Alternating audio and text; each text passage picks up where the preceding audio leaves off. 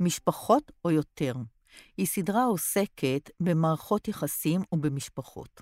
אני עמליה חציר, מטפלת זוגית ומשפחתית, ואני מציעה לכם לצאת איתי לטיול בין מערכות יחסים ומשפחות, להקשיב לסיפורים ולהבין את ההקשר החברתי בהם הסיפור האישי מתקיים.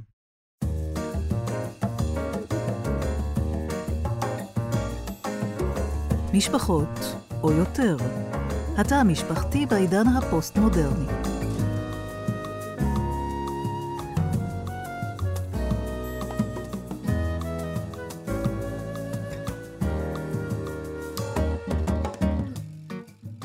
כל בחירה שאנחנו עושים בחיים, היא נעשית בהקשר חברתי, ולפעמים מחבקים את הבחירות שלנו, ולפעמים יש התנגדות לבחירות שלנו. היום אני רוצה לדבר על הבחירה בלהיות אימא. לפעמים נדמה שהבחירה בלהיות אימא היא לא נושא לדיון, במיוחד לא בחברה הישראלית, כאילו שכולנו נולדנו עם הרצון הזה מובנה בתוכנו. ניסיתי לשאול נשים בגילאים שונים, מתי הן בחרו להיות אימהות ולמה? השאלה למה בחרת להיות אימא תפסה נשים רבות, במיוחד כשהן אימהות מופתעות ולא מוכנות. יש בבחירה הזו משהו כל כך שקוף לנו, עד שנדמה לנו שזה כמעט לא בחירה, אלא סוג של הבנה שככה זה. כששואלים אימא לילדים, למה הבאת ילדים? זו שאלה שהיא קצת בעייתית, מפני שלרוב אמהות אה, קשה להן לתאר את עצמן ללא הילדים, או עכשיו לשאול את השאלה למה. אז בחרתי לשאול גם צעירות, לפני שהן הביאו ילדים, אם הן היו רוצות להיות אמהות, ולמה הן בוחרות להיות אמהות. שאלתי המון צעירות, ואני רוצה להביא לכם רק שתי דוגמאות. שאלתי ילדה בת 12, מה היא הייתה רוצה להיות כשתהיה גדולה? והיא אמרה לי שהיא עדיין לא ממש החליטה, אולי שחקנית, אולי רופאה. בואו תשמעו אותה. Uh, אני רוצה uh, להיות שחקנית או להיות רופאה. Uh, אני רוצה להיות שחקנית כי זה נותן לי להתבטאות uh, אחרת, להיות מישהי שלא אני. ואני רוצה להיות רופאה כי בשביל להציל חיים של אנשים אחרים. איזה כיף לשמוע ילדה קטנה, כבר בגיל 12, מדברת על הקריירה המקצועית שלה. היא עדיין לא החליטה אם רופאה או שחקנית, והיא מדברת איתי אחר כך על הנושא הזה של מי מרוויח יותר ומה כדאי יותר, אבל כשאני שואלת אותה אם היא רוצה להיות אימא, היא עונה, ברור. זו לא שאלה בכלל. שאלתי את רונה, צעירה בת 27, על אימהות. עדיין קשה למצוא את הסיבות הכי ממשיות ללמה כן. כאילו, הרבה, הרבה יותר נוח להמשיך את מה, ש, את מה שעשו לפניי ולהמשיך את הדבר הזה להתגלגל, להמשיך את האנושות. אני חושבת שהבחירה לא, היא צריכה להיות, אה, אה, אה, היא צריכה להיות גם מאוד מאוד, כאילו, זו בחירה מאוד חזקה. כי אני יודעת למשל שאם אני אבחר בה, אז אני, ההתנגדויות שאני אתקל בהן, אני תוהה אם בכלל הן יהיו שוות את המאמצים והאנרגיות, כאילו אני מרגישה שיש משהו ברבייה שהוא ממש קשור לכוח האנרציה, אנחנו מתרבים כי זה ברור מאליו, כי זה חלק, מ, כי זה חלק מהמעגל החיים שלנו, להיוולד, להתרבות ולמות. ואני חושבת שלנתק את הרבייה מכל המעגל הזה, זה, זה, יש בזה משהו שהוא, אולי אפילו אצלי, שאני יחסית מודעת לנושא הזה, הוא עדיין בלתי נתפס. זה חלק ממעגל החיים. אי אפשר לנתק, לנתק את השרשרת. אני זוכרת את הפעם הראשונה שאני שאלתי את עצמי שאלות מהותיות בקשר לאימהות שלי. זה היה בהרצאה לפני כמה שנים, בתוכנית ללימודי מגדר באוניברסיטת בר אילן. ממש זוכרת את היום הזה. היה לי באותו יום בוקר לחוץ. הייתי חייבת להכין סנדוויצ'ים לילדים, להעיר את הבן המתבגר, כדי שלא יבריז שוב מבית הספר. הבן הצעיר בכה נורא הרגיש לא טוב. הבן האמצעי חיפש את מכנסי הספורט כי היה לו שיעור והוא היה חייב אותם.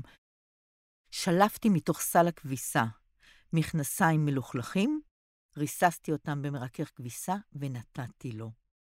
כן, ושוב, שוב נתקעתי בפקקים של הבוקר. ישבתי בהרצאה קצת לנוח עם כוס קפה פושרת, והמרצה הציגה את האורחת שהגיעה באותו בוקר, ושמה היה אורנה דונת. עמדה מולנו אישה צעירה, אינטליגנטית, רהוטה, והיא הרצתה לנו על ה-MA שלה וגם על עבודת הדוקטורט. הנושא שלה היה על הבחירה להיות אימא, או למען הדיוק, על בחירה שלה ושל נשים אחרות לא להיות אימהות. לא עברו כמה דקות וכל הכיתה התחילה לתסוס. באולם ההרצאות היו בערך 50 אה, נשים ושני גברים, מרביתן היו אימהות לילדים, והאמת, כבר יצא לי לשמוע כל מיני הרצאות מוזרות שמערערות על הסדר החברתי במסגרת הלימודים של לימודי מגדר, אבל אני לא זוכרת נושא שיצר כזו תסיסה וכזאת התנגדות עזה מצד כולם. זהו, התעוררתי לגמרי. והמרצה מדברת ומספרת את הסיפור האישי שלה, שהוא סיפור די פשוט. היא אף פעם לא חלמה להיות אימא, היא לא שיחקה עם בובות, היא לא שיחקה במערכות אוכל של בובות, היא לא רצתה את זה מעולם. וכבר בגיל 16 התגבשה אצלה ההחלטה שהיא לא תהיה אימא. המתקפה עליה הייתה מכל הכיוונים, והיא כאילו כל חייה מותקפת בשל הנושא הזה, ענתה עם הרבה אורך רוח והרבה סבלנות, ואמרה, לא, אני לא שונאת ילדים. לא, אני לא חושבת שאני אהיה לבד בזקנה, או שהילדים יטפלו בי. אני גם לא חושבת שהם יטפלו בכם בזקנה. ואני לא מפחדת מהלבד. לא הייתה לי ילדות איומה או משהו קיצוני בילדות, היו לי הורים די טובים. ושוב היא עודפת את המתקפות, והיא אומרת, אני לא יודעת אם זה לא יותר אנוכי להביא ילד, אולי להביא ילדים זה אנוכי לא פחות. וכך היא ממשיכה להדוף את המתקפות האינסופיות. כולם חיפשו איזושהי סיבה קיצונית, מרגשת, ללמה היא לא רוצה להיות אימא. אף אחד לא היה מוכן לקבל את ההסבר הפשוט. זה לא מה שאני רוצה, אני לא בוחרת בזה, לא רוצה את זה. אני הייתי בשוק. אני מעולם לא חשבתי האם אני רוצה להביא ילדים, פשוט ידעתי שיהיו לי ילדים. אני בחרתי בן זוג, בחרתי מה ללמוד, איפה ללמוד, איפה לגור, במה לעבוד, אבל אני בכלל לא זוכרת אם ומתי בחרתי להיות אימא. האמת היא שמושג הבחירה בהקשר של אימהות הוא חדש יחסית, והוא קשור למהפכה משמעותית, היכולת להפריד בין סקס לבין הריון. המצאת הגלולה. נשמע ממש טריוויאלי, אבל לא, בפירוש לא. שאלתי את אימא שלי מתי היא החליטה שהיא רוצה להיות אימא והתחילה לצחוק ואומרת לי, מה זאת אומרת? מה בחירה וילדים? או שאת בהיריון, שאת רוצה ויש לך ילד, או שאת בהיריון שאת לא רוצה ואת צריכה להיפטר ממנו, או שלא עושים שום דבר. והיא התכוונה להימנע מסקס. כי לא היו אמצעי מניעה מספיק טובים ובטוחים. וזה לא רק שאמצעי המניעה לא היו בטוחים, אלא גם הערימו קשיים. בארצות הברית, לדוגמה, אסור היה לשלוח קונדומים בדואר, איסור על פי חוק. בארץ היית צריך לעמוד בתור בבית מרקחת, ורק לרוקח מאחורי הדלפק הייתה נגישות למוצר הזה. כשאני הייתי צעירה, היה בשכונה שלנו בית מרקחת, ורוקח שנורא אהב להתעלל בצעירים, וכל פעם שמישהו רצה לקנות קנדום, הוא היה מתחיל לצעוק. מה אתה רוצה? קנדום? אה, קונדום. והקול שלו היה רועם בכל בית המרקחת, עם כל הדודות המנוזלות שהיו מסתכלות על אותו צעיר. המצאת הגלולה היא חלק מתהליך מתפתח של שליטה באמצעי רבייה. לדור של אימא שלי לא הייתה בחירה. אבל גם לדור שלי, שהוא דור ביניים, לא באמת הייתה בחירה. אמנם אנחנו השתמשנו בגלולות למניעת הריון, אבל אה, לא היו מספיק מחקרים בנושא של גלולות, לא מחקרים ארוכי טווח, והרופאים עצמם היו מבלבלים אותנו, והיו אומרים לנו לעשות הפסקה אחרי שנה או שנתיים, או לפני שרוצים להיכנס להיריון, צריך להפסיק את הגלולות למשך מספר חודשים כדי לנקות את הגוף מההורמונים. ואחרי שילדת לידה אחת, את חייבת להפסיק עם הגלולות, כאילו שהכנסת לתוך הגוף שלך רעלים שאת צריכה לנקות. אנחנו פחדנו מהגלולה. לא ידענו אם יהיו לזה תופעות לוואי על התינוק שייוולד לנו, אם תהיינה תופעות לוואי אחרי כמה שנים. אז אנחנו היינו דור ביניים. היום יש יותר מודעות, יותר מחקרים, ואפשר לעשות הפרדה בין סקס לבין הריון. זה לא מפתיע, אבל התהליך הזה הוביל לצמצום משמעותי בילודה, באופן כללי, אבל בעיקר במדינות מפותחות ומתפתחות שהן מבוססות כלכלית, כמו מערב אירופה וארצות הברית. אחת מכל חמש נשים בוחרת לא להיות אימא. וזו תופעה שהולכת ומתרחבת. נשים מפורסמות בארצות הברית כמו אופרה ווינפריד מגדירות את עצמן כ-child free, חופשיות מילדים. בארץ זה פחות נפוץ או מקובל, ויש לזה מחירים, מחירים לא פשוטים. כולנו מכירים את חברת הכנסת מרב מיכאלי, שמדברת על הבחירה שלה לא להיות אימא. היא ובן הזוג שלה, ליאור שליין, הרבה פעמים ברעיונות ממש מותקפים או שחשופים לחיטוט בחיים הפרטיים שלהם בנושא הזה. אני לא חושבת שבארצות הברית היה מישהו שהיה מעז לחטט בחיים של בן הזוג של אופרה או בחיים שלה ולשאול על הנושא הזה.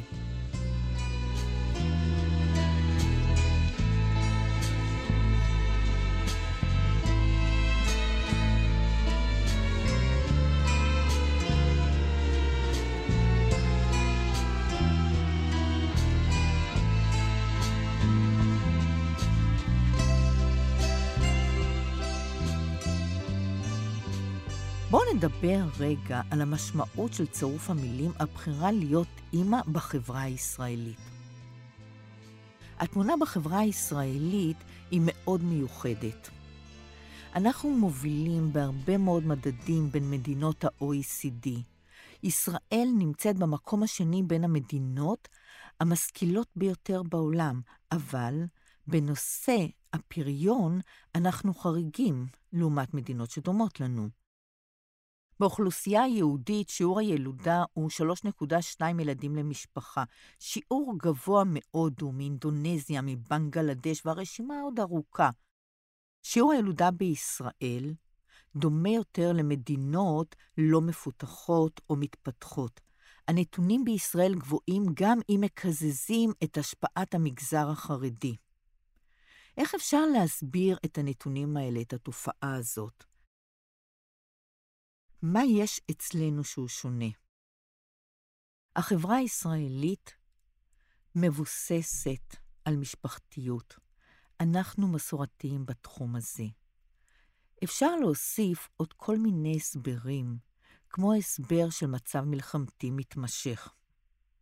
אחרי הלידה של הילד הראשון שלי, כשהניחו לי את התינוק על הבטן, וידעתי שהוא בן, הדבר הראשון שחשבתי עליו, הולך להיות חייל. אסור להישאר רק עם ילד אחד, במיוחד אם זה בן. אני צריכה יותר ילדים. אף אחד לא אמר לי, אבל זה היה ברור לי שבמדינה עם סיכון כל כך גבוה, צריכים יותר ילדים. יש נושא נוסף שלא מדברים עליו, הוא מלחמה דמוגרפית על הצביון היהודי של המדינה שלנו. והשואה, השואה שעדיין בועטת וקיימת בתוך הבטן הרכה של המדינה הזאת. המשפחה והבאת ילדים לעולם זה נושא מאוד מרכזי בחברה. ניסיתי לתת את ההסברים שלי לתופעה החברתית הזו שקורית בישראל מעבר למסורתיות, אבל בואו נשמע צעירה, ומה היא אומרת על החששות שלה מפני הבאת ילדים? איפה המוקד שהיא שמה את הזרקור עליו? אני רוצה שתכירו את הילה ואת הסיבה שגורמת לה כאבי בטן כשמדברים על ילדים. אנחנו יושבות במטבח, והילה אומרת לי, אני מרגישה כל כך טוב שסוף סוף אני יכולה לדבר על הנושא הזה בלי ביקורת, בלי שיפוט, שאני יכולה להוציא את המילים האלה מהפה שלי. ובואו נשמע אותה. היום אני רוצה להיות אימא, לא עכשיו, אבל בעתיד, ויש לי מערכת יחסים עם הרצון הזה להיות אימא באיזשהו מקום, והרבה מאוד שנים, כאילו גם, גם בשנים כבר של בגרות, כאילו אני מדברת על אה, עד לפני uh, כמה חודשים, אפילו אפשר לומר, כאילו זה היה לי ברור שאני אני לא בעניין. יש משהו, אבל uh, שאני חושבת שהוא מאוד מוטבע ב...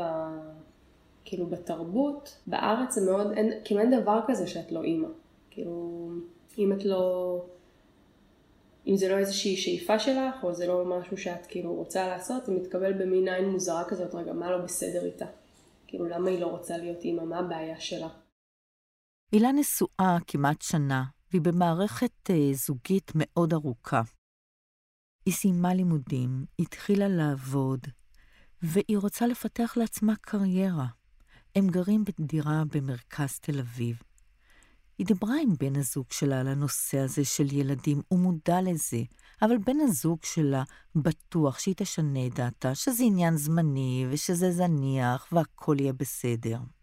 הוא היה מאוד רוצה ילדים, הוא אדם מאוד משפחתי. הוא רואה את עצמו מעניק לדור הבא ערכים, אה, חוויות. הוא רואה כל הזמן רק את הצדדים הטובים, החיוביים, הכיפים בילדים. והילה אומרת לי, ואני רואה כל הזמן את הקשיים. בסוף אנחנו, הנשים, נהיה אלה שנשלם את המחירים הכבדים, ולא משנה מה תהיה הבחירה שלנו, היא אומרת לי. הילה מבינה את המשמעות של להביא ילדים לעולם, והיא אומרת לי, להביא ילדים זה לא משהו שאתה יכול להגיד, אופס, התבלבלתי, או בואו נחזור חזרה. היא גם מבינה את המחיר שהיא תשלם על זה בקריירה שלה. והיא אומרת, אני יודעת שאנשים יתחשבו בי, אני יודעת שאנשים יבינו את המצב, אבל אני לא רוצה שיתחשבו בי, אני לא רוצה שיבינו. אני רוצה להיות זאת שמובילה. אני רוצה להיות בחוד החנית. ואני יודעת שילדים יעקבו אותי. אני רוצה להיות שווה לאחרים. כשהילה מדברת על הקריירה שלה, העיניים שלה בורקות. והיא ממש ממש ממש מסבירה לי לפרטי פרטים מה הם עושים בחברת הסטארט-אפ שלהם, ומה היא עושה בתוך החברה, והיא נשמעת מאושרת, והקול שלה מתחיל לצנוח ולרדת למטה כשהיא מבינה את הקושי שיגרום לנושא הזה של הבאת ילדים לעולם. גם הוא נמצא באיזשהו מרוץ מטורף. הוא גם עובד מאוד קשה והיא מדברת על בן הזוג שלה. והיא לא בטוחה עד הסוף מה יקרה כשהם יצטרכו לעמוד בפני החלטה מי מוותר ומי נשאר עם הילדים. הם חיים בקצב מטורף. להביא ילדים לעולם זה כמו עצירה מסוכנת בכביש מהיר. אנחנו מדברות במטבח בדירה בתל אביב, ויש המון רעש של מטוסים, יש רעש של משחק כדורגל עם צעקות מכל החלונות, וכשהיא מדברת על העבודה שלה, היא כל כולה בפנים, היא בכלל לא שמה לב שמשהו מרעיש. אני כל הזמן דואגת, אולי הקלטה לא תצא בסדר, אולי זה יפריע. אבל כשהילה נמצאת בתוך משהו, היא כל כך ממוקדת מטרה, עד שאני קצת מקנאה בה על היכולת הזאת להיות בתוך משהו וששום דבר לא יזיז אותה ממקומה. מערכת היחסים בינינו לא תתפרק על הנושא הזה, מצהירה הילה, והיא מאוד בטוחה בדבר. הילה היום ממש בשלה.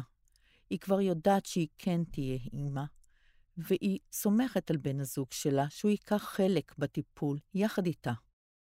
היא גם אומרת, אני אהיה זו שיפרנס את המשפחה שלנו. אני שואלת את הילה, על התגובות של הסביבה הקרובה אליה, והיא מזדקפת מעט, ואומרת לי, מעולם לא סיפרתי לאימא שלי. בואו תשמעו אותה. בוא נגיד שלא דיברתי על זה עם אמא שלי. מאוד חשוב לי להצליח בקריירה, מאוד חשוב לי להגיע להישגים. הדבר שמהדהד לי בראש וכאילו שהיה נוכח שם כאילו כל, כמעט כל הילדות שלי זה שאתם יודעים, העניין הזה של כאילו אין מה לעשות, צריך כאילו לפרנס. הילה מדברת הרבה על הצורך לבחור בין קריירה לבין אימהות. היא לא מצליחה לראות איך שני הדברים האלה באמת משתלבים יחד, לא בצורה טובה בכל אופן. גברים לא רואים סתירה בין קריירה לבין אבהות. בואו נדבר על זה. רק נשים מרגישות שהן חייבות לבחור בין הקריירה שלהן לבין להיות אימא טובה. אי אפשר להתעלם מהעובדה שהיום יש תהליכי שינוי. צעירים אומרים לעתים קרובות, אנחנו בהיריון, הם הולכים יחד לקורס הכנה ללידה, הם משתתפים בלידה עצמה, הם אה, שותפים בגידול הילדים. אבל לרוב, עדיין, אם צריך להחליט מי נשאר או מי מוותר, אז לרוב זו תהיה האישה. לאחרונה יש ממש מסע פרסום בנושא של קריירה לנערות וילדות. אומרים להן שהכל אפשרי, שהן יכולות להצליח, שהן יכולות לחלום ולרוץ קדימה. זה מעולה, זה נפלא. מה הבעיה עם זה? הבעיה היא שצריך ליצור שינוי גם בצד השני, כי ללא שינוי בצד השני של המשוואה, זה לא יעבוד להן. עדיין אין חינוך היוצר שוויון, היוצר שינוי אצל הגברים.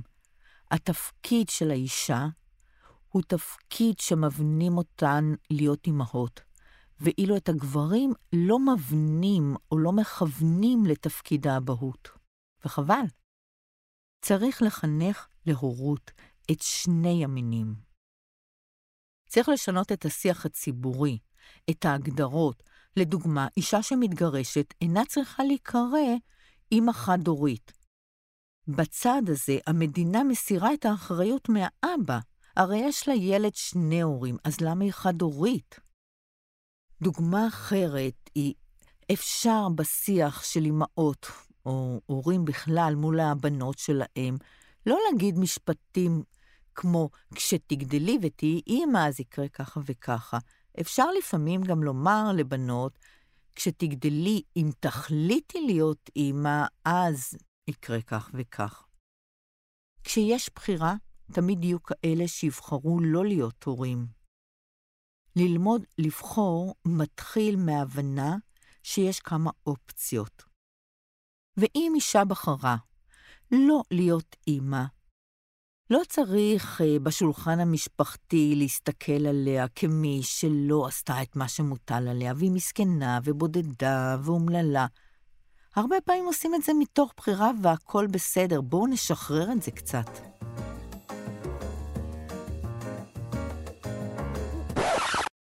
רגע, רגע, רגע, עוד לא סיימתי. אני רוצה להחזיר אתכם להרצאה ההיא של אורנה דונת. המרצה הזו עמדה בכבוד בכל המתקפות שהיו עליה. ואז היא מסיימת לדבר על עבודת המאסטר שלה שעסקה בנשים שבחרו לא להיות אימהות, והיא מתחילה לדבר על עבודת הדוקטורט שלה. עבודת הדוקטורט שלה עוסקת באנשים שכן הביאו ילדים לעולם, אבל הם מתחרטים על זה שהם הביאו ילדים לעולם, והם מזדהים בשמות שלהם, והם אומרים, החיים עם ילדים היו כמו בית כלא אחד שלם, סבלנו, סבלנו מההורות שלנו. כאן היה ממש צונאמי בכיתה, והיו כאלה שפשוט קמו ויצאו החוצה. אבל זאת שישבה לידי ככה לחשה בשקט, מה, יכלה לראיין את אימא שלי. עד היום היא לא סלחה לנו על זה שבגללנו היא ויתרה על הקריירה שלה. אני רוצה להמשיך ולדבר על הנושא הזה של להיות אימא. בפרק הבא נדבר על נשים שיעשו הכל, ובאמת יעשו הכל רק על מנת שהן תוכלנה להיות אימהות. תודה לאלעד לוין על העריכה הטכנית. הסדרה "משפחות או יותר" הופקה על ידי הספרייה המרכזית לעיוורים ולבעלי לקויות קריאה. המרכז לתרבות מונגשת עבור החינוכית. חינוכית